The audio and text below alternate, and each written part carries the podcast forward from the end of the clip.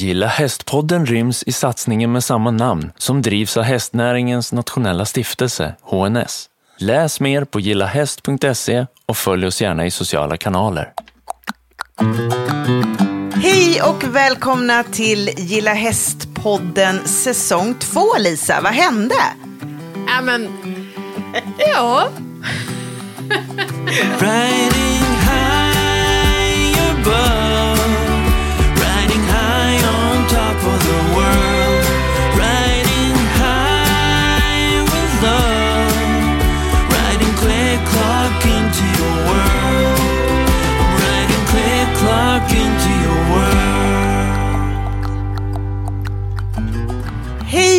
välkomna till Gilla Hästpodden säsong 2. Hej Lisa! Hej Malin! Hur mår du? Jo, men jag mår jättebra och det här är så himla kul tycker jag, för nu har vi... Det är ungefär ett år sedan vi körde igång Gilla Hästpodden och ehm, nu är det liksom säsong två vi eh, går in i. Mm. Jag hoppas att många av er lyssnar på våra julsmällkarameller där vi har sammanfattat alla de här 20 avsnitten som vi gjorde under förra säsongen.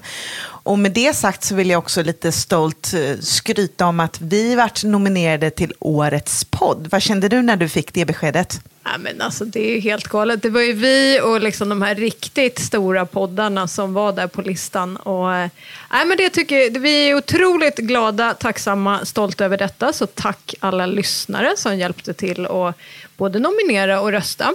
Mm, verkligen. Och, och det var kanske det också som gjorde att vi kände att nej, men nu jäklar måste det bli en säsong två. Och det blir det. Vem ska vi träffa idag? Jo, idag ska vi träffa Sofie Jan. Hon är högaktuell just nu med sin bok som heter Pappas flicka på hästgården. Den finns både på Storytel och givetvis som vanlig bok. Och den här boken handlar om den idylliska hästgården på Ekerö utanför Stockholm som eh, var kanske en av Sveriges mest framstående ridanläggningar under 80 och 90 och en bit in på 2000-talet. Där man eh, hade ridläger, födde upp hästar eh, på väldigt hög nivå. Många kända och okända ryttare har passerat genom den här ridanläggningen. Som då drevs av Sofies pappa, Jerry Jan och hennes mamma. Eh, Men bakom den här fantastiska, idylliska fasaden så var det ju inte riktigt så idylliskt. Nej, och 2018 så kom det ju en P1-dokumentär. Vad handlade den om? Dokumentären heter Hästgården och jag skulle rekommendera alla att lyssna på den. Den är fem avsnitt. Och det handlar om eh, det som hände på Hästgården. Det är ett antal flickor som har jobbat på den här gården under åren som eh, vittnar om sexuella övergrepp och maktmissbruk på väldigt hög nivå. Där Sofies pappa då, Jerry stod bakom det här. Det som hände var ju faktiskt att Jerry blev dömd för de här övergreppen på 80-talet. Och satt i fängelse och ändå fick gården, när han kom ut då, fortsätta. Eh, så att P1, eh, dokumentären Hästgården handlar om det här. Men det som Sofies bok handlar om, som hon då har kommit ut med här ganska nyligen, det är ju hur familjen hade det. Mm, en väldigt dysfunktionell eh, familj skulle man kunna säga. Och vad menar jag med det? Ja, men det pågick ju eh, grova övergrepp och väldigt mycket miss- maktmissbruk även inom familjen. Så att det här är ju Sofies historia som hon har skrivit ner i bokform, Pappas flicka på hästgården som sagt. Och vi ska prata om hennes bok, självklart. Vi ska prata om hur det var att växa upp på den här hästgården och eh, även lite kring hur kan det här få förekomma? Och hästbranschen och eh, hästvärlden överhuvudtaget. Mm, det är en tystnadskultur som tyvärr lever kvar. Även om mycket kanske har hänt så tycker jag fortfarande att det finns vissa stenar som man borde vända på. Och eh, det jag vill veta är också hur hästarna gjorde skillnad för henne och har hon förlåtit sin pappa? Och hur kommer man vidare? Precis. Så jag tycker vi bjuder in Sofie. Ja, men det gör vi. Häng med! Häng med! I'm riding click clock into your world. Vi är så otroligt glada och stolta att ha med oss i vår podd Sofie Jan. Välkommen! Ja, men tackar. Jättekul att vara här. Ja men verkligen. Du har ju tagit dig hela vägen ifrån Stockholm med tåget ner till oss här på Jägersro, Malmö. Ja, det är här det händer. Det är här det Så att det händer. var värt eh, tågresan. Vad heter det? Kan du nämna lite grann för de som inte känner till dig? Vem är Sofie? Korta drag. Ja, vem är jag? Jag är ju nu, just nu aktuell med min bok, mitt självbiografi som heter Pappas flicka på hästgården. Ehm, som ja, släpptes, vad är det nu, lite drygt två månader sedan via Storytel. Där jag faktiskt också läser in boken själv. Och ehm, min berättelse är ju då rätt så erkänd sedan tidigare.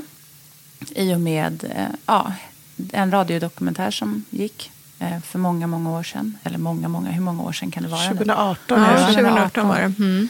Eh, och innan dess så började jag faktiskt blogga. Och eh, det var nämligen så att jag en kväll var väldigt frustrerad och arg. Och kände att jag hade väldigt mycket jag ville berätta som jag satt inne på. Så att jag satte mig hemma hos mamma i hennes hus och skrev och skrev och skrev. Och sen så fick jag för mig att jag skulle trycka på knappen och eh, ladda upp där. Och jag hade ju aldrig i hela mitt liv bloggat någonsin. Men jag gillar att skriva. Jag tycker det är ett väldigt skönt sätt att liksom få ur sig mycket. Och få ord på tankar och känslor. Eh, så att jag tryckte på enter och sen gick jag och la mig. Och sen vaknade jag upp dagen efter och eh, alltså jag vet inte hur många kommentarer och läsningar och delningar jag hade fått. Just för att jag valde att berätta om var jag kom ifrån och vad jag upplevt. Och ja, min, min barndom helt enkelt. Ehm, så att den här bloggen blev ju jättestor. Jag tror att jag fick liksom upp mot en halv miljon visningar. Och Oj. Herregud. superbra engagemang. Framförallt då inom hästvärlden eftersom att jag är uppvuxen på en hästgård och har liksom den bakgrunden. Ehm, så där någonstans började det med att jag liksom ville berätta min berättelse. Och först var det väldigt läskigt för jag tänkte herregud Sofie, soffan vad har du gjort nu? Eh, det var ju bara skönt att skriva av sig. Eh, men någonstans i det här så insåg jag också att jag faktiskt eh, gav folk hopp. Hjälpte rätt många i, liksom, i att dela mina berättelser så kunde andra relatera. Ehm, Men Sofia, jag, jag måste bara flika in här. För att den här boken då, Pappas flicka på hästgården, jag har eh, själv lyssnat på boken, jag har lyssnat på din mammas bok, men jag har ju själv också varit på ridläger på eran gård.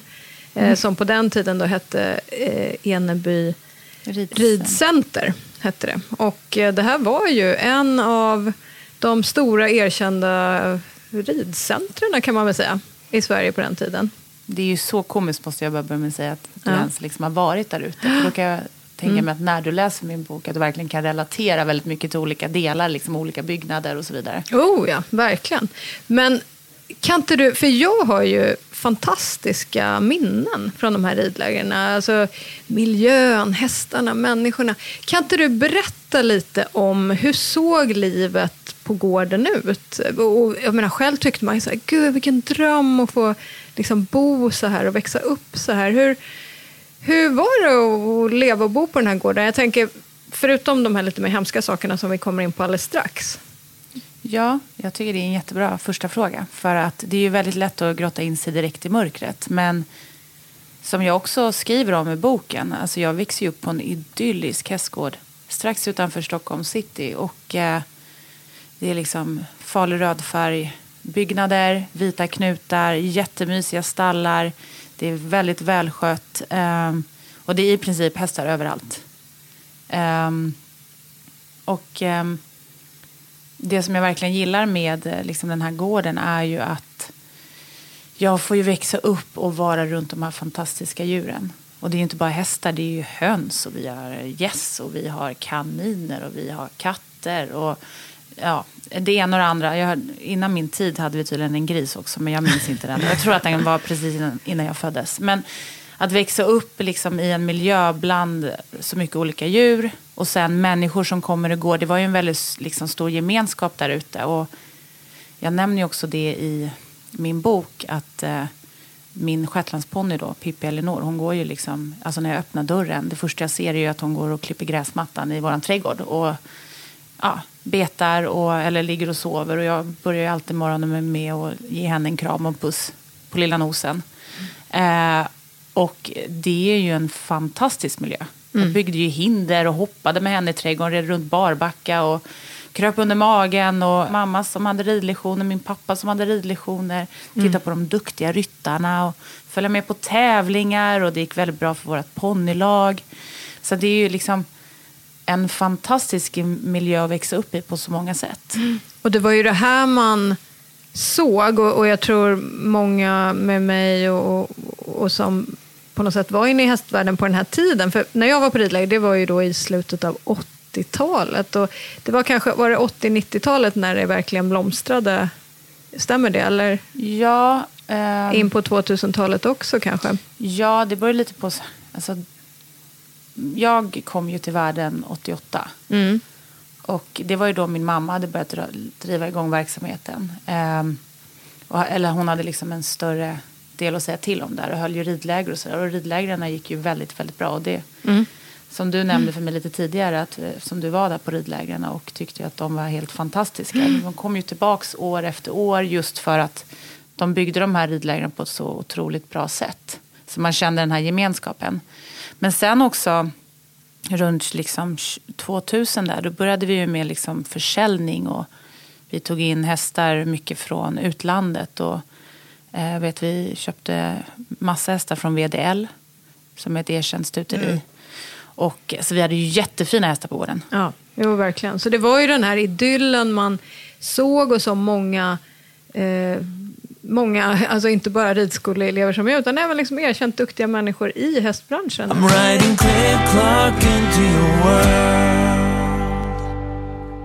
Men det är ju inte egentligen riktigt det här din bok handlar om, utan det är väl kanske lite vad som hände bakom den här fasaden, där det pågick både fysisk och psykisk misshandel, eh, som du beskriver väldigt målande i din bok. Och man, ja, jag blir otroligt berörd när jag lyssnar på den här boken, och många med mig säkert. Men kan du ge några exempel, alltså bara för lyssnarna, för de som inte har mm, lyssnat på boken eller läst.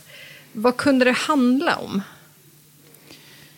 Ja, om man då ska gå in, liksom, som sagt, som du säger, bakom stängda dörrar så först gick det ju liksom en tortyr, en misär. Och eh, jag ser ju den här gården som mitt fängelse. Och eh, min pappa indoktrinerade ju väldigt liksom, hårda bestraffningsmetoder som kunde se väldigt olika ut. Och jag skulle också vilja säga att det eskalerade för varje år. Ju äldre jag blev och ju äldre han blev så blev han liksom mer och mer galen. Och jag menar i början, jag har ju liksom mina mm, liksom, äldsta minnen. Det är ju när han började väcka mig mitt i natten och min syster. Och vi skulle hoppa ner i en frysbox i liksom nattlinne och um, avfrosta den. Och då eh, så, det är ni vet sådana GB, stora glassboxar. Och ehm, jag minns det väldigt väl för att vi låg och sov och helt plötsligt så stod han bara liksom bredvid sängen och bara slet upp oss i nattlinnena. Och så tyckte han liksom att huset är så himla stökigt och det får inte se ut så här. Det är en knarkarkvart kunde han uttrycka liksom, fast det verkligen inte var på den nivån. Och så fick han för sig då att jag och min syster skulle hoppa ner i den här frysboxen och då stå där liksom och försöka få bort isen. Eh, och vi var ju jättekalla om våra fötter. Och där någonstans kom jag, jag minns bara att vi grät och var väldigt ledsna och väldigt rädda för att det var en sån liksom, kontrast till att för bara fem minuter sedan ligga och sova och sen nu står jag i en frysbox. Och vi får liksom inte hoppa ur frysboxen förrän vi har fått bort isen. Um, så det började där någonstans att det skulle liksom Um, diskbänken skulle skuras liksom tio gånger om med diskmedel bara för att den skulle vara skinande ren.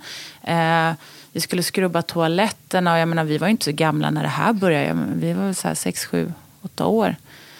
Um, men sen skulle jag egentligen så här vilja säga att det som jag tyckte blev värre med åren och som jag faktiskt var mest rädd för, det var vad som skedde utanför huset. Och det var faktiskt i stallet.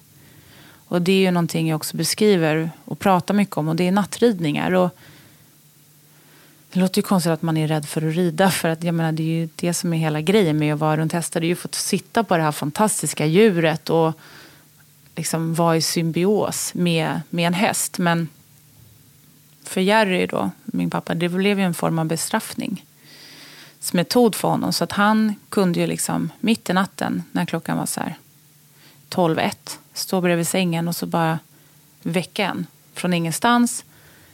Och då var det liksom bara hoppa i ridkläderna och så ut i stallet. Och så fick han för sig då att nu ska vi göra häst av någon ohanterad unghingst eller vad det nu kan vara. Ehm, eller någon häst som han inte riktigt var nöjd med under dagen som hade presterat på den nivå han hade önskat. Och eh, det som hör till de här nattridningarna var ju liksom att det var inte under liksom, skyddade bra former där man skulle på ett konkret sätt liksom, utbilda hästen och få den att förstå liksom, hur den kan bli bättre och, och så vidare. Utan det var verkligen så här, så nu ska sadeln på, nu drar vi åt, åt sadeljorden, nu ska vi rida in den. Den ska lära sig både ha bett i munnen och ha en sadel på ryggen och den ska samtidigt kunna löshoppa och sen ska ni sitta och rida på den.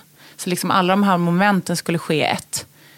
Och eh, man var ju liksom i princip en försökskanin som fick sitta upp på de här hästarna. Och det var ju bara att hålla i sig för liv och fosterland för att liksom inte flyga. Mm. Och eh, alltså jag minns ju någon gång när jag, när jag liksom skulle hoppa upp på en häst. Alltså, alltså jag kommer ihåg mina ben, de bara du vet, skakade. Det var liksom, alltså jag, jag kommer bara ihåg, jag var som två pinnar som bara liksom vibrerade och jag kunde liksom inte kontrollera mig själv. Jag kommer ihåg att jag bara bet ihop och var livrädd när han sa mitt namn, att jag skulle sitta upp på den hästen. För att jag såg ju på den att den liksom var ju livrädd. Den förstod ingenting. Den var inne i ett ridhus, den förstod liksom inte vad jag gör jag här? Jag kom precis typ från liksom lösdriften upp i skogen och nu ska jag helt plötsligt stå i ett ridhus bland massa människor och med en sadeljord runt magen. Och den liksom den skräcken, det är så svårt att så förmedla den. Men det, det är som ett litet barn då, att stå bredvid ett stort djur. Och någonstans känna så att alltså jag kommer hoppa upp på den här hästen och jag vet inte om jag kommer överleva det här. Myrby stallinredning. Vi gör dina stalldrömmar till verklighet. Egen produktion och lager i Enköping. 50 års erfarenhet. Vi bygger stall som håller länge. För dig, miljön och plånboken.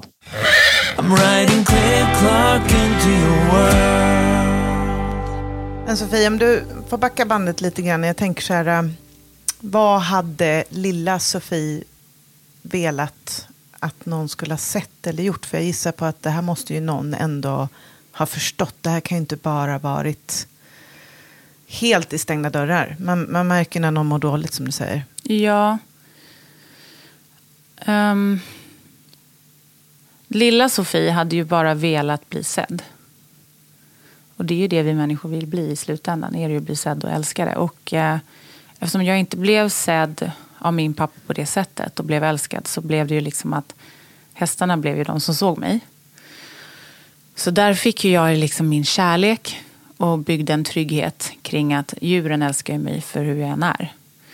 Men eh, det jag verkligen hade önskat och det som jag också idag pratar mycket kring det är ju faktiskt att um, Alltså nu fanns det faktiskt en hel del stalltjejer och sådär som kunde liksom sitta mer i huset ibland och vara kvar där. Eller sova över. Jag hade ju några kompisar som liksom skyddade mig väldigt väl. Så det fanns ju personer runt omkring som också kunde vara som en liksom, um, Skyddszon? Ja, men de blev lite skyddsnätet för att de bara var i närheten. För att om någonstans visste Jerry ändå att han kunde inte gå hela vägen, löpa lin, hela, liksom linan hela vägen ut. Mm. Om det ändå var någon annan utifrån som såg. Även om det var fortfarande extremt.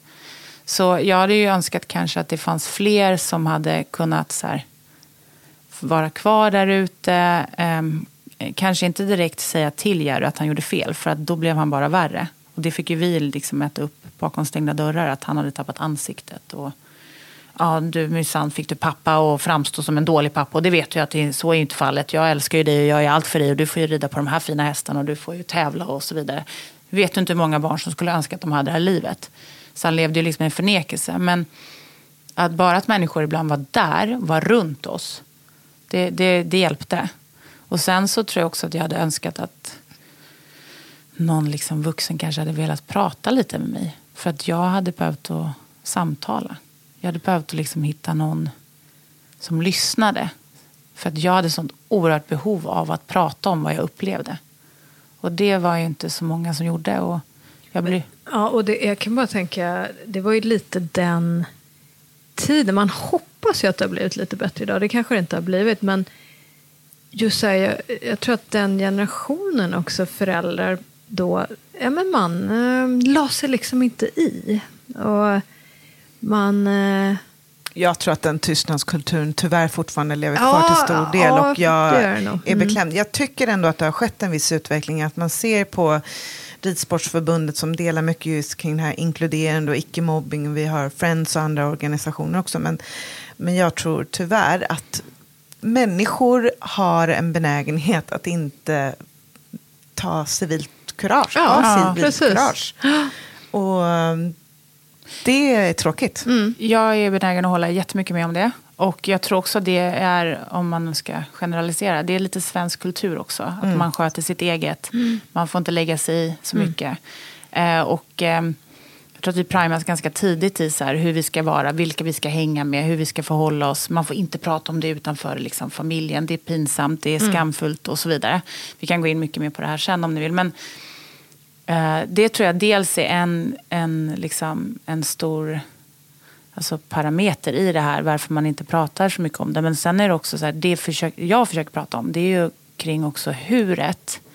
För jag tror inte så många vet heller, hur agerar jag på det här? Vad ska jag göra? När man ser någonting, vad har jag för skyldigheter? Hur ska jag prata med den här vuxna eller med det här barnet? Hur bemöter jag? Och sen också när jag har bemött, hur står jag kvar? Hur Exakt. agerar jag på det? Exakt. Och de typer av frågor tror jag är jätteviktigt att man börjar lyfta mer kring så här, olika typer av händelser, hur man liksom navigerar kring det. För att vi har ju ett socialt ansvar. Man har rapporteringsskyldighet som vuxen om man ser att ett barn far illa. Det, det finns ju, det är man måste ju höra av sig till socialen. Jo, men, och, och en eh, del i din bok, eller om det är din mammas bok, där eh, ni berättade om hur ni berättar för en lärare tillsammans under ett eh, samtal, alltså ett utvecklingssamtal. Och eh, det hände inte så mycket ändå. Nej, och det är ju faktiskt en händelse som jag väljer att vilja liksom belysa i boken. Och jag har inget behov av att någonstans hänga ut henne. För Nej, nej. Jag kommer Nej. ihåg, alltså hon själv var, hon var i chock. Hon Mm. var nyexaminerad och eh, skulle precis gå in och bli lärare. Och där sitter jag på ett utvecklingssamtal och Mm. liksom storbölar. Och mamma storbölar. Och vi är så maktlösa inför hela situationen att jag inte ska få vara kvar i skolan. Mm. Och det är där någonstans första gången jag och mamma vågar typ nämna någonting. Så det är en sån otroligt stark händelse i mitt liv som jag liksom minns som att det vore igår. Men här, det är en situation som man också kanske behöver prata om så här. Om vi ska liksom knyta det här till stallar och sådär. Att ridlärare, eh, personal i stallar kan, att man ska kunna känna en trygghet i att prata med dem. Och hur man också kan då som vuxen ta det liksom ansvaret. Att så här, någonstans, okej nu har Lisa kommit här och berättat att det är jobbigt. Hon, hennes frizon är faktiskt stallet. Hur kan jag då som liksom ridlärare agera på det? För att jag tror att det, det är väldigt svårt att veta. Som sagt, återigen, hur agerar jag? Verkligen, och precis som man i alla ridhus har så här, om olyckan inträffar, ring 112, så finns det en sån här jättetydlig vad man ska göra. Men att precis på samma sätt borde man ju hjälpa sin personal. Vad gör jag om jag får, eh, om någon kommer till mig och berättar någonting väldigt tungt? Vad gör Ja. jag? Vad är Ja. min checklista? I'm riding clear clock into your world. Du var ju inne på det Sofie i början där, att den här berättelsen uppdagades ju, uppdagades ju egentligen genom den här P1-dokumentären då, Hästgården 2018. Och den slog ju ner lite som en bomb, alltså det tycker jag i alla fall. Att eh, Ja, alltså kanske både inom hästvärlden men i största allmänhet. Liksom. Den fick ju väldigt, väldigt mycket uppmärksamhet. Eh, och sen kom ju då din mammas bok och nu har du kommit med din bok och din historia. Men vad har reaktionerna varit inom hästvärlden? För jag menar, ni som familj har ju umgåtts verkligen med eliten inom svensk eh, ridsport kanske. Vad hände där när det här kom fram? Jag tycker att det här är en jättebra fråga. Och, eh, alltså det är som du säger, det känns som att man har varit hela spektrumet däremellan. För vi har ju haft allt ifrån liksom en ridskoleverksamhet som var liksom vår kassako till just uppfödning och jättefina hopp och dressyrhästar och florerat på Flyinge och Falsterbo och varit liksom, eh, ja, i de liksom finaste stallarna och tävlingarna och sådär. Eh, och eh, alltså, jag kan ju bara cirkulera tillbaka till när det började när jag faktiskt bloggade. Och den responsen jag fick, det var ju framförallt inom hästvärlden. Och det var ju många som bara, åh, tack att du förklarar vad som hände. För att vi såg er så många gånger. Eller vi har hört om den här mannen. Jag menar, han hade suttit inne i fängelse och sen fick ju han, kom ju han ut efter drygt två år. Och då fick han fortsätta driva liksom ridlägerverksamheter. Även om det stod på min mamma. Um, så det har varit mycket frågor. Och det kändes som att många människor blev så här, aha, det är det här som hände. Och, och det mötte ju väldigt mycket support och engagemang. Och eh, då från eh, jag kommer ihåg, bara för att då ta en person som jag verkligen ser upp till, det är ju Lisen Bratt. Och hon skrev någon gång till mig och skickade något hjärta och liksom, utan att jag känner henne så. Men det betyder jättemycket för mig att en sån person som ändå är så inne i sporten och har faktiskt något att säga till om och många lyssnar på henne och att hon visade stöd mot mig. Då fick ju jag ännu mer uppmuntran. Jag sa, ah, men nu kanske jag gör någonting bra. Så det betyder jättemycket och även andra personer liksom högt inom hästsporten. Och sen tyckte jag ju också att eh, Vissa tidningar vågade ju också börja lyfta på locket och diskutera kring de här delarna. Och min blogg blev ju liksom spridd viralt. Ehm, så att någonstans där kände jag ändå att engagemanget var på topp. Och jag mötte liksom mest positiv respons. Och sen efter Hästgården, ehm, den dokumentären som kom ut, eh, jag ska ju vara jätteärlig och säga att jag har inte lyssnat på hela den. Och anledningen till det är för att jag blev ju skyddad från just den sexuella biten. Min mamma var jätteduktig och försöka hålla mig så skyddad som möjligt från att se allt vad som hände. Sen så, som jag också nämner i boken, så såg jag ju vissa delar och sådär när jag blev lite äldre och började förstå. Men eh, jag tyckte att det var jättejobbigt. Jag lyssnade på första avsnittet och det gjorde jätteont i mig att liksom höra de delarna också. För att jag bearbetar så mycket med mig själv och vad jag upplevt. Och sen då få till en till del och försöka förstå det pusslet och hur det gick ihop. Alltså det, det blir liksom lite system overload. Så jag valde att så här, om jag får lyssna på det när jag har landat, landat i, i liksom, var jag befinner mig just nu och hur jag ser på min barndom och vem jag har blivit.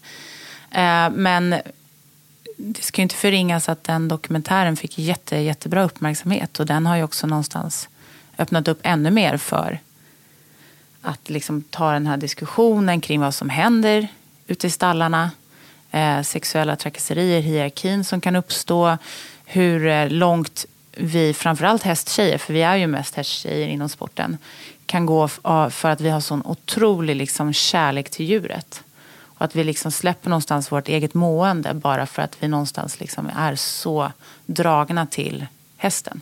Men det är just det där maktmissbruket som är så mm. lätt att nyttja. För det är ju som du säger, så här, att ja, men om du gör det här och det här så då får du tävla den här. Och om du inte gör det så då kommer du att tas ifrån det här. Alltså det är så lätt att sätta liksom den känslan. Och jag tror att många av oss har varit med om det på ett eller annat sätt i, i större eller mindre sammanhang.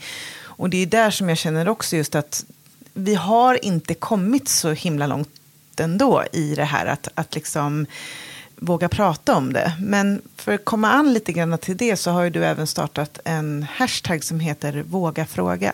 Ja. Kan du berätta om det? Ja, precis. Och den är ju inte bara kopplad till liksom hästsporten i sig, utan den är ju mer, dels också för att jag inte är lika engagerad i hästsporten som jag var när jag liksom växte upp. Även om jag alltid kommer vara liksom, ha hästsporten nära till hands. Eh, men det är i alla fall ett initiativ som jag eh, drog igång innan jag precis släppte boken. Och det heter då Våga fråga och det går ut på att eh, våga bemöta varandra, våga ställa den där obekväma frågan också våga be om hjälp. Det handlar om att eh, liksom slå bort barriärerna kring vad som anses vara skamfyllt. De här normerna vi var inne på, hur vi ska vara, hur vi ska förhålla oss, vad vi inte får prata om, vad vi får prata om, vilka vi får umgås med. Någonstans våga visa sig sårbar. Liksom ta bort alla de här lagren kring eh, hur vi ska vara och hur vi tror att det ska vara, snarare sagt. Och bara kunna mötas. Så om jag ser någon, om jag upplever liksom så här att, ja, vi tar upp Lisa igen då säger vi. Mm. Jag märker att hon har ett lite annorlunda beteendemönster. Hon kanske inte dyker upp lika många gånger på, på jobbet eller vad det nu kan vara. Hon har varit borta mycket eller hon ser ledsen ut. Alltså då kanske jag bara kan liksom räcka ut en hand och säga så här, hej, hur mår du? Vad händer idag? Mm. Du, vad, vad händer på hemmafronten? Alltså, man behöver inte alltid kanske gå rakt på, på sak och säga du, du mår inte bra. Utan mer liksom bygga en relation i att visa att man finns där. Räcka ut en hand liksom, mm. och sen så ett litet frö. Um, så jag vill helt enkelt med det här initiativet våga prata om saker som är obekvämt. Saker som kan vara jobbiga. Um, jag nämner också att man ska våga stå kvar. För att ofta när man har visat att man liksom finns där och sen då när en person öppnar sig, då kan det vara väldigt jobbigt att bemöta det. Mm. För att bli så här, men gud, det här blir för mycket, vad ska jag göra nu? Vem ska jag prata med? Eller, eh, gud, jag kan inte hantera det här och jag har inte ett, eh, liksom någon kompetens eller jag har inte läst någonting om det här. Mm. Så jag vet inte hur man ska agera. Och då kan det vara lätt att man liksom försvinner. Mm. Um, för sådana situationer har ju också hänt. Och um, jag vill helt enkelt att våga är våga räcka ut en hand, våga säga ja, våga säga nej, våga stå emot, våga vara sårbar, eh, våga vara dig själv. Så det är helt enkelt bara en, en hashtag, ett initiativ som jag har planer kring. Jag ska ut och föreläsa längre fram. Jag vill ut i stallar och prata framförallt om det här, för det händer ju mycket i stallarna som vi var inne på tidigare. Skolor, eh, kring att liksom, ja, finnas där. Mm. Ha ärliga samtal.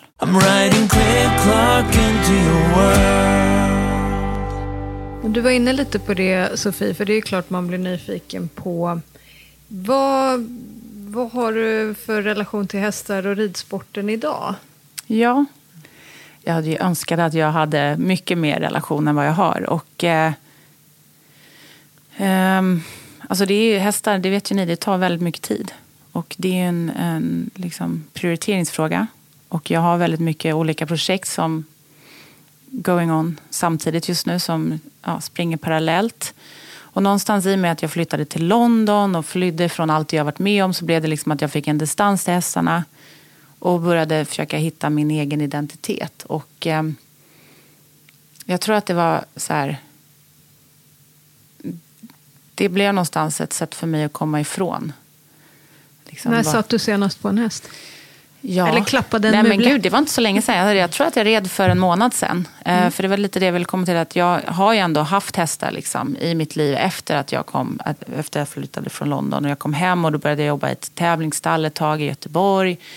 Ehm, men så kände jag så att alltså just för att jag har drillats och ridit på en så pass hög nivå och verkligen, liksom, jag red 10-12 hästar om dagen och skulle ju bli, liksom, jag brukar säga det, jag skulle bli Malin Baryard. Mm. Det var liksom min största dröm.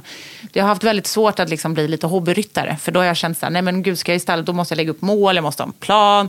Det har varit lite liksom en inre konflikt i, så här, vad vill jag? Och den tiden har inte jag riktigt gett det.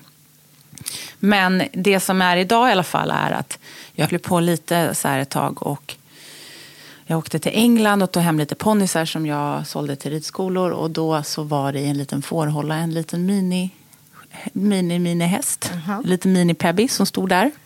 Och som den hästtjejen man är, kommer jag alltid vara. Så tittade han på mig och då kände jag så här, han vill inte vara i det här stallet.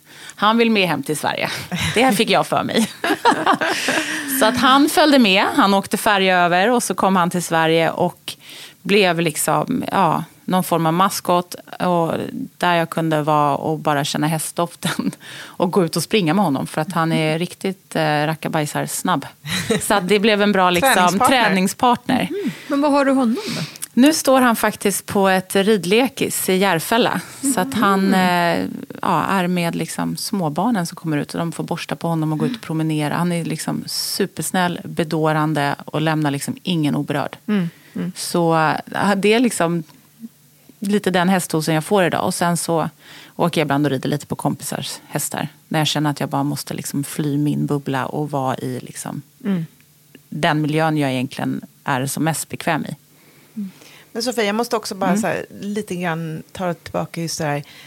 Du startade upp din blogg och fick ju som du säger liksom sätta ord på det som har pågått. När tog du beslutet om att nu ska jag skriva en bok? Det är mer än ett år sedan. Så hösten eh, 2020. Och anledningen till det var egentligen för att jag hade satt ihop en hel föreläsning. Och hade liksom en plan kring så här. Nu ska jag ut och föreläsa och prata om det här.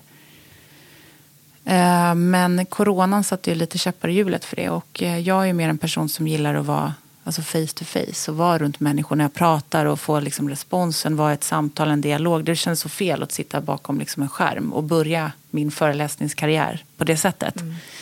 Så då pratade jag mycket med mitt management om olika tillvägagångssätt. Och, ehm, så här, hur ska jag få ut min story? Hur ska jag ut och göra skillnad och prata om det här? Och då så föddes idén kring boken. Och sen så kom vi i kontakt med Storytel och de blev ju eld och lågor. Och sa så här, men det här måste vi satsa på. Och jag förstod ju knappt själv liksom, att det skulle bli så stort som det blev. Det var ju helt... Så det var sån eh, surrealistisk känsla att liksom stå där på releasedagen och hålla en bok i handen och bara oj, eh, den här har jag skrivit. Det här är ju jag och det är jag på bilden och nu ska människor få veta vem jag är egentligen. Liksom. Det är ju väldigt naket. Och från boken så kommer det nu också bli en film. Ja, ehm, och det, så här, det, är en, eh, det är en dramaserie. Och den här var egentligen påtänkt innan boken. Så att jag tror att vi drog igång med det här för två år sedan lite drygt. Och det var Jarowski som... Eh, jag träffade dem då inom mitt management och så frågade de om de fick rättigheter till att skriva min berättelse. Och det där gick ju igång också väldigt fort. Och sen satt jag då med manusförfattare som är väldigt duktig. Eh, och han heter Ulf Kvensler och han intervjuade mig och ja, andra i min familj och andra ridtjejer ute på stallet.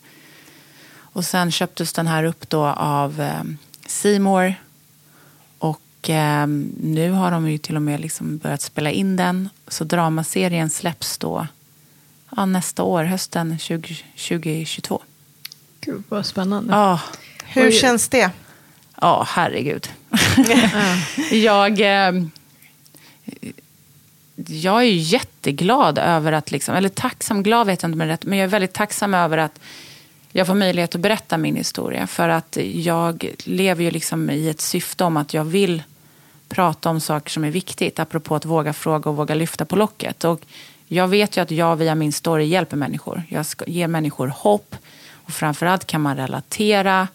Vare sig man är barn eller vuxen eller däremellan. Um, så det känns ju det känns ju som att jag verkligen lever mitt syfte. Eh, Men det är ju också självklart läskigt. För att det är ju väldigt exponerande. Det är väldigt naket. Eh, Sen också ha en person som ska spela mig. Det Gud, känns vad- ju också så himla konstigt på alla dess sätt. Och att de satsar så mycket på den här liksom, tv-produktionen. Ehm, så det är ju jättemycket blandade känslor. Men jag kommer alltid tillbaks till att så här, jag är någonstans så här, sen jag började blogga, för om det var sex sju år sedan eller vad det nu är. Alltså, där började jag någonstans känna liksom att jag gör skillnad och jag har ett behov av att prata. Så Jo, men jag Ja. tänker det, måste, det blir ju som att återuppleva hela den här historien en gång till och se någon annan göra det. Alltså det är, jag, jag kan inte riktigt föreställa mig vilken mäktig, om man nu är ett konstigt ord, men liksom konstig känsla, läskig, spännande, viktig.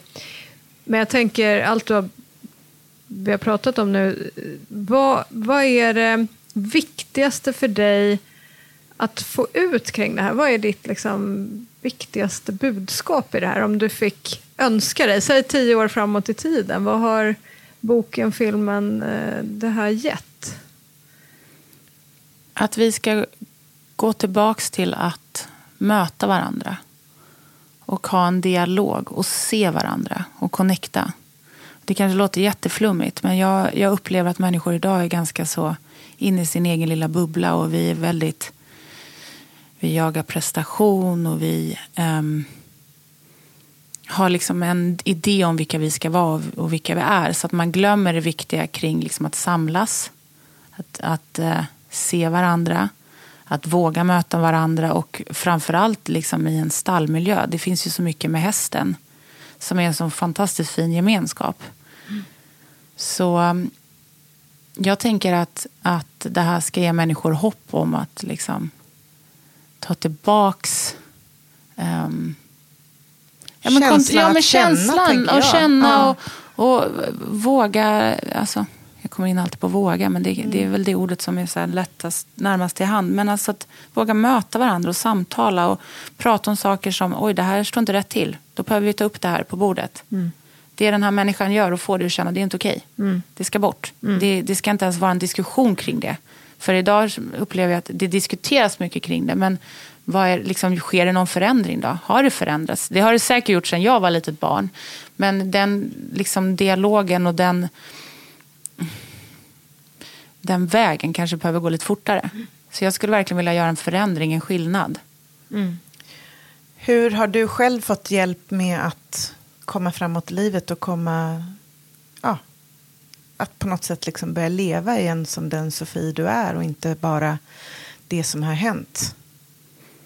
Gud, det finns jättemycket olika eh, svar till den. Eh, jag tror att det som hjälpte mig att bryta mig loss var dels London. För att jag kom från en liten hästgård till en storstad och träffade alla dess typer av människor. Supermultikulturellt. Så där var jag ju tvungen så här, att bryta mig loss från att vara Jerry-Sofie. För att jag har ju sett mig själv som att han har suttit på min axel och sagt till mig nu får du äta, nu får du gå på toaletten, nu får du handla. Så det blev ju en väldigt stor liksom, skifte för mig att så här, någonstans börja hitta min identitet. Um, så det hjälpte mig att komma ifrån, bryta mig loss från mitt fängelse. Men sen skulle jag också vilja säga att jag har alltid varit väldigt intresserad av att försöka förstå mig själv. Och varför jag runt vissa människor blir obekväm eller varför jag agerar på ett visst sätt runt vissa människor. och Varför andra får mig att känna mig jättebekväm eller varför jag är glad och varför jag är introvert och extrovert. Och, eh, varför jag är den jag är helt enkelt. Och det har gjort någonstans att jag har varit så öppen för att gå i terapi, ta hjälp, gå i KBT, eh, köra hypnos, eh, prata, samtala, hitta vänner som lyssnar. Eh, och också utsätta mig för situationer som är obekväma. Det har liksom drivit mig framåt hela tiden. Att så här, vad är de här rummen där jag kanske inte alltid känner mig liksom bekväm och, och säker. Men det någonstans har jag lärt mig. Aha, anledningen till att jag känner så mig själv det är för det här. Och det kan gå tillbaka till det här. Så jag skulle nog vilja säga en kombination av liksom nyfikenhet och förstå, över att förstå mig själv. Och sen jättebra människor runt mig. Och sen eftersom den här eh, podden heter då Gilla hästpodden ja så undrar ju vi också alltid lite så här, jag menar det är, ju, det är ju givet att hästarna har haft en stor eh, betydelse för dig i, i ditt liv. Du, du är ju uppväxt med hästar runt omkring dig för jämnan. Men, men vad tror du i den här, ja, genom, genom ditt liv då fram till nu, vad har hästarna betytt? Och vi vill ju i den här podden liksom påstå att hästar har en väldigt välgörande, att det är en välgörande kraft för oss människor. Vad, vad tänker du kring det? Alltså hästar för mig har ju varit min räddning. Och jag kan ju bli lite, jag blir väldigt emotionell. Framförallt när jag skrev boken. Och jag tänker tillbaks på alla stunder då jag har liksom haft hästen. Eller min ponny eller vad det varit som har funnits där för mig när jag har mått väldigt dåligt. Och det är det också jag gillar med den här podden. Att ni lyfter den liksom vinklingen kring hur man faktiskt mår bra runt de här fantastiska djuren. Um, så för mig så har ju hästar, det har ju betytt, det har varit min familj. Det har varit min bästa vän. Det har varit där jag, via att jag inte verbalt har behövt uttrycka mig, utan man har ju skapat ett annat språk jag har ju kunnat gå in och sätta mig i boxen och bara känna av så här, den energin, det lugnet. Det har fått mig att landa och bara känna så här, här är jag trygg runt min ponny. Runt Rusty. Han har ju fått mig att bara känna så här, Gud, han älskar mig hur jag än är. Jag behöver inte göra mig till eller jag får vara ledsen här. Jag får känna någonting. Eh, han kommer ändå fram och liksom gossar med mig. Eh, väldigt förlåtande om jag har gjort något fel eller om jag... Alltså jag bara kände att det blev liksom ens... Eh, det blev min trygghet. Och ehm, det har ju liksom genomsyrats i hela mitt liv. Alltså hästarna, där har jag aldrig känt mig sviken. Jag har litat på dem och om jag ville säga en hemlis var det, de skvallrade inte. Um, och bygga det här starka bandet med ett så liksom stort djur, det, det är väldigt liksom, det gör en väldigt eh, motståndskraftig. Det gör en väldigt stark. Man, jag känner mig väldigt stark när jag satt på ryggen på en häst och bara, nu ska jag ut och galoppera på den här ängen och vi gör det här ihop. Eh, och samtidigt också de gånger som Jerry kunde vara väldigt elak så kände jag ändå att hästen och jag, vi blev liksom ett team. Um, och det är så int- intressant. Jag, jag, jag tänkte på det, reflekterade över det. Det hände för några år sedan. Så var jag utomlands och eh, jag blev väldigt, väldigt ledsen. Det var en sak som uppstod eh, med dem jag var där med. Och eh, jag var i Amsterdam. Och då var det några hästar, de har ju hästar som drar vagn där. Mm. Och jag fick panik, jag kände jag fick en så här liten panikattack. Och det första jag gjorde utan att ens tänka det var att springa. Jag sprang, jag sprang och sprang och sprang tills jag hittade en häst. Så jag bara sprang fram till den och så ställde jag mig där och bara tittade den i ögonen. Den såg mig. Alltså det var som att hela liksom min oro, den här paniken och allting som hände just där och då, det bara försvann. Där var jag bara så "Huh. Lilla barnet Sofie, nu kan du lugna dig. Allt är okej. Och därför känner jag liksom att, ehm, som ni då också har, liksom, som ni pratar mycket om och era bakgrunder. Det finns ju så mycket data och research bakom just hur hästar faktiskt hjälper människor när det kommer till mental ohälsa, till stress. Vi producerar oxytocin, alltså när vi liksom får klappa på en häst. Det är ju massa av de liksom parametrarna som jag kan relatera till olika händelser där jag bara, här är jag i alla fall i min frizon. Det kan Men- vara ett krig här utanför, men här är jag lugn. Liksom. Men varför är det fortfarande så himla svårt för politikerna att ta till sig det här? Vi pratar ju ganska mycket om i podden att hästar är snarare en friskvård än en sjukvård. Och det är ju det som vi försöker liksom verkligen så lyfta fram och lyfta upp. Och nu har ju du berättat din story genom att hur hästar har gjort skillnad för dig. Som du sa, fått dig att till och med överleva. Men vad tror du ligger till grund för att politikerna inte ger större resurser inom sjuk eller friskvård? Alltså det måste ju finnas någon form av okunskap eller arrogans. Jag är inte tillräckligt insatt i liksom de förändringsprojekt som finns idag och även hur mycket man liksom subventionerar till ridklubbar. Så jag vet ju att det sker och att man pratar om det i vissa kommuner. Jag har ju till och med blivit kontaktad av en kommun där de vill ha med mig i en paneldebatt och prata kring liksom hästar i stallar. För att de satsar väldigt mycket på liksom hästkulturen i deras kommun. Vad bra. Men jag, jag tror någonstans att, att liksom problematiken är här att det är en okunskap. Och när, det är bara att titta på liksom, när man kommer från utifrån ridsporten. Hur människor pratar om ridsporten, att vi är en sekt. Och att eh, det är ju hästen som gör jobbet. Och eh, liksom man förstår egentligen kanske inte liksom riktigt innebörden av kraften i det här djuret. Och hur det kan läka människor. Och hur vi liksom, via hästarna faktiskt kan, kan hjälpa. Så att jag tror att någonstans att det är arrogans kopplat med okunskap och det kanske också kostar mycket pengar. Det jag tänker även del. där att jag menar, utifrån Agenda 2030 så, så är det ju det här jämställdhet och det behöver inte alltid betyda lika lön för lika arbete utan snarare till kultur och fritidsnämnden om att man kan bygga liksom en ishockeyhall för x antal miljoner och sen så finns det, det ser ju väldigt, väldigt olika ut i landet, det har vi pratat om också tidigare. Här i eh, Skåne så finns det otroligt många fina ridanläggningar, verkligen, och där kommunen verkligen har ja, de har fattat galoppen om vi nu säger så. Men det ser ju otroligt olika ut där många av ridskolorna är ju verkligen från 70-talet och skulle behöva rustas. Tjejerna kan inte byta om själv, man har inte en egen dusch, det finns inte handikappanpassade också så. Och det känner väl jag är snarare så här ett sätt att liksom, ja men om ni ska utgå ifrån Agenda 2030, vilket de ska göra, så måste de ju börja titta på det lite djupare också. Ja, och där är ju frågan då hur ska man nå de här? För att jag menar, vissa kommuner då där det är hästintresserade människor, där kanske då den här frågan lyfts mer för att man förstår vad stallet har för liksom påverkan. Mm. många kommuner kanske inte riktigt förstår den delen. Och det, jag menar, det är ju de där någonstans vi behöver öppna upp för den typen av dialog. Det är där vi åker ut på turné och eh, Ja. poddar och, Ja, jag är redo. och föreläser tillsammans. Nej, men jag, jag eh, var faktiskt i riksdagen häromdagen och Ja, träffade... pratade- Ja, det såg vi Ja. på din Instagram. ja. Ja, och pratade med en kvinna då som har liksom hästbakgrund. Eh, Hennes dotter rider och sådär. Och då pratade vi just om de här frågorna. Eh, och hon säger exakt samma sak. Eh, att det inte, det inte lyft tillräckligt mycket och att man kanske inte riktigt förstår att den här sporten har sån stor kraft. Och och det är ju faktiskt en väldig fördel nu när sportmässigt att ridsporten eh, det går så bra eh, liksom rent resultatmässigt. För det är ju tyvärr sånt, bragdguld. ja, men det är tyvärr sånt som ska till Ja. för att folk ska få upp ögonen lite grann. Eh, Och jag tror att det kommer ha jättepositiva effekter på det här vi precis pratade om. Och Verkligen.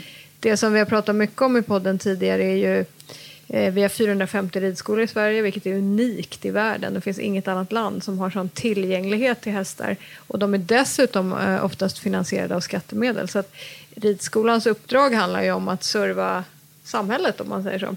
Och tänk om man kunde på alla de här 450 ridskolorna... Det, det finns redan, ska jag bara säga, jättemånga fantastiska projekt. Men att man skulle hitta en struktur för det att dra ännu mer nytta, om man säger så. av- Ja, lägga upp mål och Ja. liksom någon form av ramverk kring, så här, Ja. strategi kring att det här vill vi uppnå. Men ehm, ja, det är ju en, en svår fråga att veta kring huret, hur man gör det. För att jag tror att just att ha sådana här diskussioner, här sitter vi i en podd, pratar om det, det sprids säkert till någon annan Ja. som hör, så hörs någon tredje och sen en fjärde och så vidare.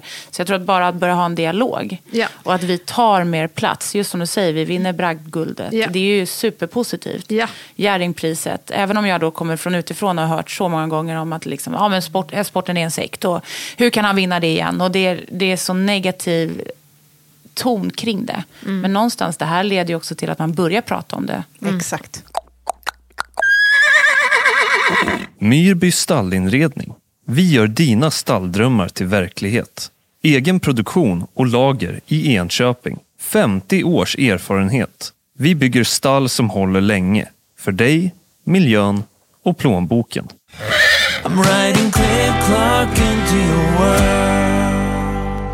Jag känner också lite grann just det där som vi var inne på, att ja, men om vi pratar om det här nu, att våga fråga. Och det tas ju som jag sa väldigt bra initiativ, dels genom Schyssta stall, eh, Ridsportförbundet, där man då inte, alltså man ska se att inte barn blir mobbade och så vidare. Så jag tror att om vi bara också även där kan sätta oss ner i någon form av runda bordet-samtal och lyssna in dig och andra som kanske har annat att delge eller idéer eller förslag, så tror jag också att man verkligen dränker den där jävla skammen. För det är där det handlar om. Ja, precis. Och jag tror att det är en rädsla också kring att lyfta ämnet. Jag tror också att det finns många som är emot det här inom just ridsporten, att prata om det.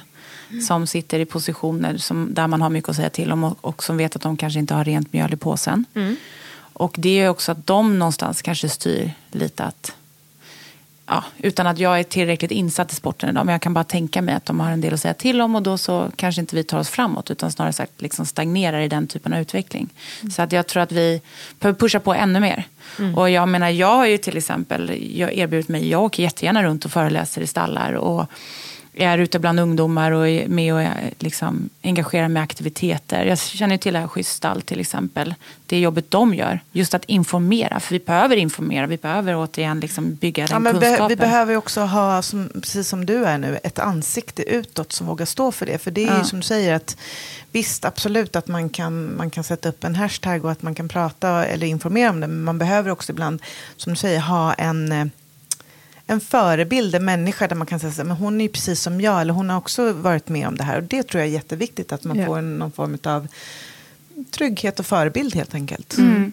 Ja, och jag känner ju verkligen att jag eh, gärna tar en sån typ av roll. Där, för att jag öppnar ju så... Eh, jag, jag talar ju så öppenhjärtligt om vad jag upplevt. Och det märker jag ju att folk, människor liksom tar till sig.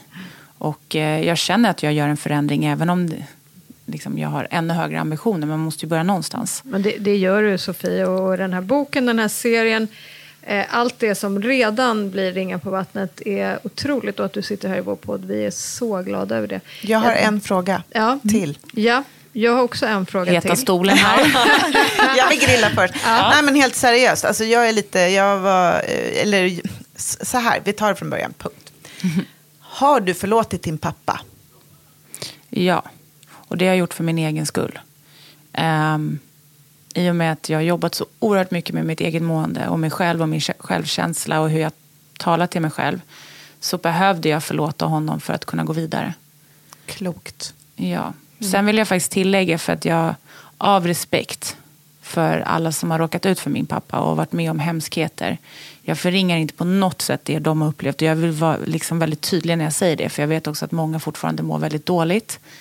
Går i terapi och har liksom men med sig från saker som han har utsatt dem för. Så att det här är liksom bara från mitt eget liksom perspektiv. Att jag har behövt förlåta för att få ro med mig själv. Och för att jag har någonstans valt att se det positiva och vem jag är idag. I'm riding quick clock into your world. Om du får välja en häst eller en, ja, men en häst som har gjort skillnad för dig. Vad, vem, vilken häst är det? Ja, alltså om man läser min bok så nämnde jag ju ganska många. jag har ju, eh, hästarna blir som sagt, jag ser dem som människor. Så jag börjar beskriva dem, om det hade varit en människa hade den varit på det här sättet. Men jag hade en häst som alltid poppar upp, det första jag tänker. Och det är King of Diamond. Och han var fux, fyra vita strumpor och en bläs. Och ehm, den här ponnyn var väldigt egen. Han kunde inte bli riden av vem som helst. Så jag kände mig ju väldigt utvald första gången jag skulle få rida på honom. Och vi bara klaffade så oerhört bra. Det var, det, det var liksom en handen i handsken häst för mig. Typisk Sofie ponny. Som jag också var så totalt orädd för. Jag kunde rida an mot vilket hinder, vad jag än var. Jag visste att han alltid skulle gå felfritt. Vi var ett sån starkt team och vi förstod varandra och vi läste varandra och vi kunde kommunicera. Jag förstod vad han sa. Och ehm, det som gjorde den här historien lite, liksom, om man ska, lite sorglig så fick han spatt. Och eh, han, eh, tvung, vi var tvungna att avliva honom. Och den dagen som jag behövde säga hej då till honom. Det är, alltså jag tänker, det, det är som igår. Alltså jag känner de känslorna i bröstet. Hur ont det gjorde att veta att nu när jag går utanför det här stallet kommer jag aldrig mer se honom. Och nu sätter jag mig på bussen och åker till skolan. Och vet att han inte kommer finnas kvar när jag kommer hem. Och jag kan än idag fortfarande bli ledsen över att förlora en så nära vän. För han var verkligen min bästa, bästa kompis. Rest in peace. Ja, han är här någonstans. Jag känner honom. In the spirits. Ja. Och det är väldigt, väldigt många år sedan. Men det, det, han, han, jag, kände, alltså jag kände mig så powerful på honom. Han fick mig att bara känna att jag är duktig på det här jag gör. Jag fick sån självkänsla. Runt Nej, han. fantastiskt. Ja, stort, stort tack Sofie för att du ville vara med i vår podd. Mm, verkligen. Det, det är, jag brukar kalla det för, man blir lite jobbbakis ibland när man nu ska beskriva en känsla. Och det är lite den som infinner sig just nu också. Det är mycket tankar, det är fortfarande väldigt många frågor man skulle vilja eh, fortsätta att ställa. Men jag tror att det är inte sista samtalet vi har tillsammans. Och jag önskar dig all stort lycka till framöver. Vi kanske bara ska säga också Sofie, var lyssnar man på din bok? Var hittar man Ja. dig? Eh, Kan man man följa hittar dig? mig. Och, eh, ja, om man vill följa mig eller nå ut till mig, prata med mig eller boka mig eller vad det nu kan vara så hittar man mig på Instagram. Ehm, och där heter jag Sofie Jan 1. Eh, och vill man lyssna på boken så finns jag på Storytel. Och jag läser faktiskt in den själv också. Så då får man stå ut med min röst. Ehm, så ja, sen finns det ju bokhandeln också om man vill ha liksom en fysisk upplaga. Och jag vill också säga stort tack för att ni bjuder in mig och att vi har sånt otroligt givande samtal. Jätteglad att få vara här och jag hoppas verkligen inte att det här är sista gången vi Nej, jag sitter och känner det snicksnackar. att vi, nu, Vi har något på gång. Vi Ja. har något. Ja. Nej, men tusen, tusen tack. Ett meddelande. Hej, det är Sofie Jan här. Jag har skrivit boken Pappas flick på Hästgården. Jag har väldigt mycket att säga till om. NKs kundradio. Ja, Meddelar. precis. Hallå, hallå. Gilla Hästpodden ryms i satsningen med samma namn som drivs av hästnäringens nationella stiftelse, HNS. Läs mer på gillahäst.se och följ oss gärna i sociala kanaler.